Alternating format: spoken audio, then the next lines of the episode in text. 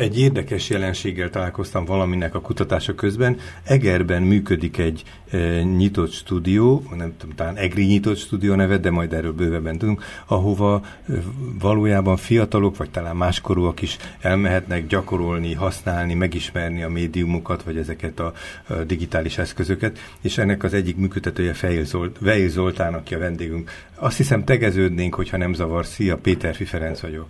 Szervusz, én pedig Vejl Zoltán. Mesélj nekünk e, első körben erről, hogy, hogy mi is ez a, a, az a szolgáltatás, hogyha én ezt jól értettem, amit ti szerveztek, mert valamitől ez nagyon izgalmasnak tűnt, hát hogyha, hát, hogyha nem, nem csak én színeztem ilyenre, hanem ez tényleg ilyen. Nem, ez még annál is színesebb. Oh, hát uh, szóval, hogy mi az EGRI újságíró egyletet működtetjük itt most már több mint húsz éve, és aztán egyszerre csak eszünkbe jutott, hogy az az igazi probléma most már, hogy senki nem érti, hogy hogy működik a hírvilág.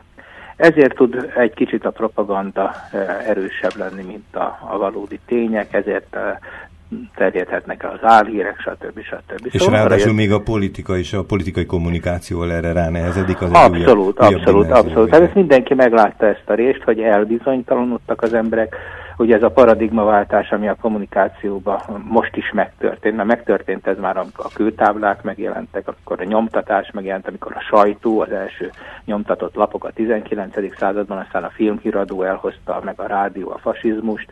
Erre mindig rátelepednek az új médiumokra természetesen a politikusok is, meg hát az apokalipszis lovasai is ezeken ügetnek ki.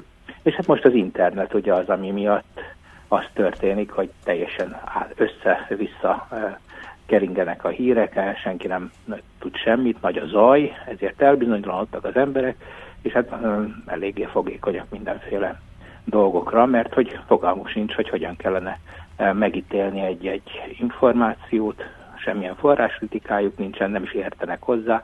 Azt szokták meg, hogy ami elhangzik a rádióban, elolvasható az újságban, az a valóság. Hát régebben még így mondtak, hogy az újság írta, a rádió vagy a tévé mondta, most ez egy picit azért már e, differenciáltabb, de minden esetre nagyon erős dominanciája van ezeknek a közleményeknek, amiket mondasz. Persze, és hát esetleg a nagyvárosokban ennek most már e, van egy jobb alternatív nyilvánossága, még Egerben is, de például már a, a környező falvakban ott, ott azért megmaradt a régi struktúra. Uh-huh. És akkor arra jöttünk rá, hogy, hogy tulajdonképpen ez a hírfogyasztás, ez olyasmi, mint, a, mint mondjuk a zene. Hogy aki egy picikét is tud bár, bármilyen hangszeren játszani, akár furuján vagy, vagy ját egy-két évet zeneiskolába, az hirtelen egy kicsit jobban érti a zenét. Azt, azt hogyha elküldik egy koncert, vagy elviszik, akkor akkor, akkor már meg tudja ítélni, hogy ez most egy nagyon vacak előadás volt, vagy ez egy szép darab, jól előadva, stb. stb. Az amatőr színjátszás is ilyen, hogy aki amatőr színjátszó volt, az sokkal jobban tudja értékelni, hogy a színházban mit lát. És akkor azt gondoltuk, hogy ha az emberek elkezdenek hírt adni magukról, akár csak egy kis mínuszos hírt is megfogalmaznak, és egyáltalán valamiféle közelségbe kerülnek a hírgyártással, akkor jobban megértik a hírek lényegét, hogy, hogy hogyan kell azokat írni, és hogy kell olvasni. És akkor ezért, eh, hát ez a, az írás most már nem annyira menő dolog. Eh, a blogok persze azért még hasítanak, de igazából hát a podcastok, a TikTok videók, a youtuberkedés, és egyáltalán ez, a, ez az audio-vizuális betyárkodás, ami, ami most igazából a, a legnagyobb hírvívő, és hát azt találtuk ki, hogy akkor csinálunk egy ilyen stúdiót, ahol bárki bejöhet, kap egy kis képzést, ez egy technikai képzés. Tehát ne, valójában nem egy tanfolyamot, vagy egy iskolát kell végigjárnia, hanem személyes konzultációban kapja ezt, jól értem? Persze, persze, vagy kis csoportokban, uh-huh. például egy osztályból eljönnek 5 6 mondjuk egy középiskolás csapat, és akkor azt mondják, hogy ó, mi egy podcastet szeretnénk indítani, akkor elmondjuk nekik, hogy hát, hogy körülbelül az hogy néz ki, hogy beszélünk, miket mondunk, miket nem mondunk. Egyáltalán, tehát tényleg ilyen nagyon alapvetésekre kell gondolni csak. Uh-huh. Tehát, hogy nem rugunk bele másokba csak azért, mert az mekkora poén. És akkor ezt így, így betartják, ő egyébként ők maguk ezt sokkal jobban figyelik. Tehát általában, hogy ne hagyjon úgy közbeszólok, de hogy ők egy csomó esetben a technikában gyorsabbak, mint sokszor más korosztály, Ó, hát de a, persze, hát de a tartalomban, négy, meg a magatartásban van, van inkább ö, nagy esély, Még ott sem, ott sem. Tehát az az igazság, hogy ott sem. Tehát most, amiről beszélünk, az egy, az egy átlag magyar középiskolák, azért ne felejtsük el, a középiskolások még okosak, mhm. szellemesek és befogadókészek.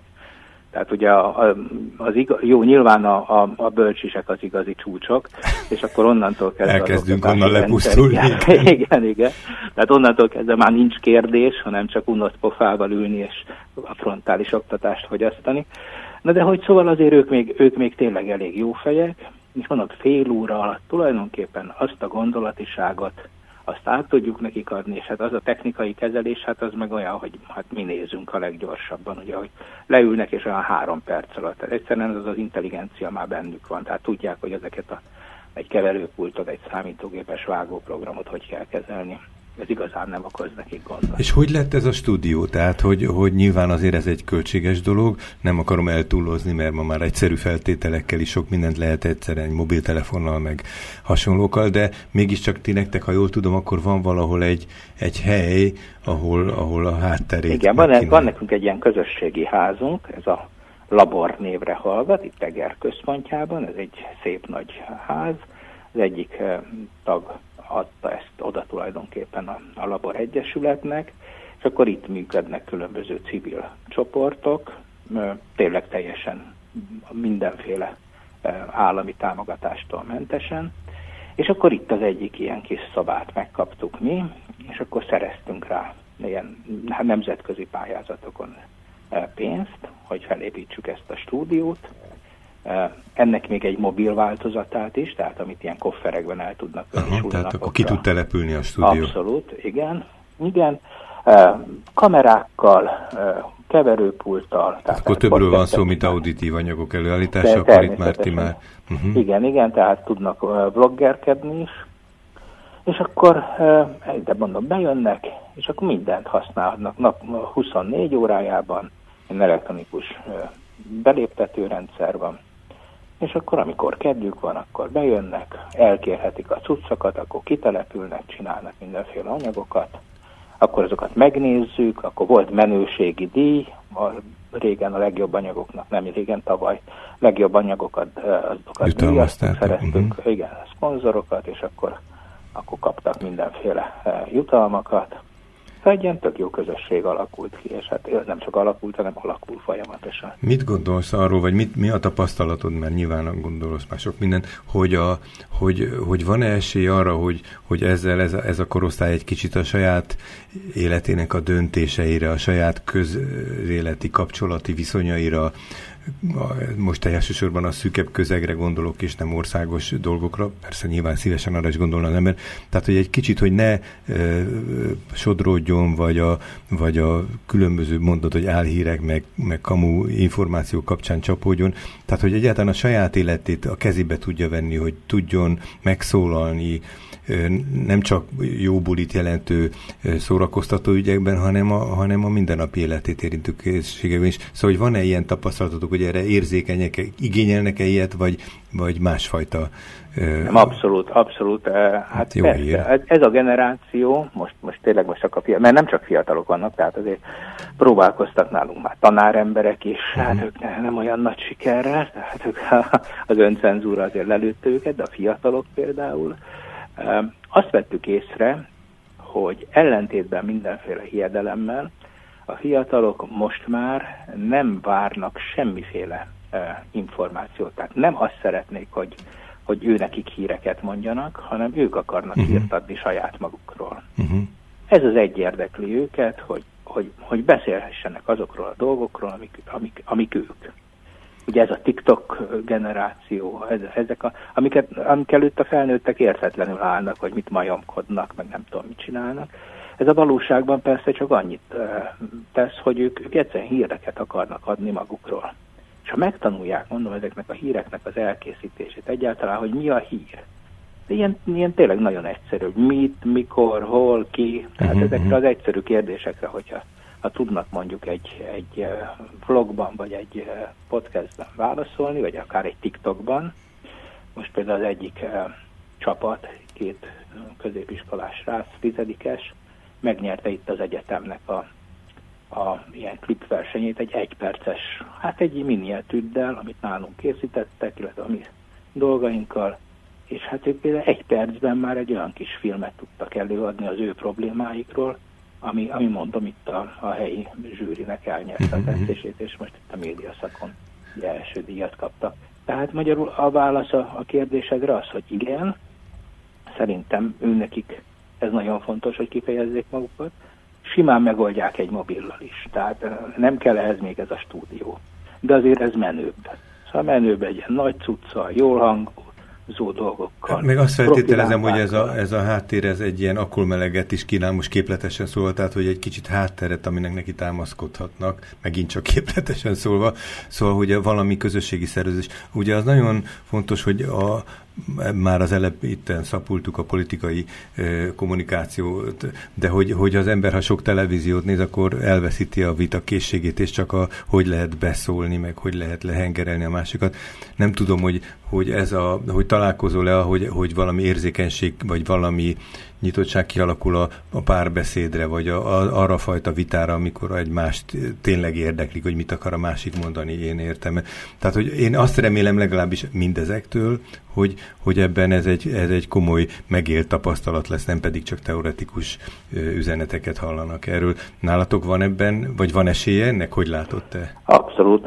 Hát persze, szóval itt az a, és ez, ez tulajdonképpen független magától a konkrét uh-huh. tevékenységtől, egyszerűen azzal, hogy összejönnek emberek és kénytelenek egymással úgy beszélni, hogy látják egymást, érzik egymást, uh-huh. érzik a, a lehelletüket, a reakcióikat, és ugye nem abban a személytelen térben kell, hogy megfogalmazzák a, a teljesen szélsőséges, esetleg valamilyen állarc mögé bújtatott üzeneteiket, hát ezzel óvatatlanul érzékeny nyűlnek. Magyarul a közösség nek a, a kultúra teremtő ereje, az persze az, az abszolút működik.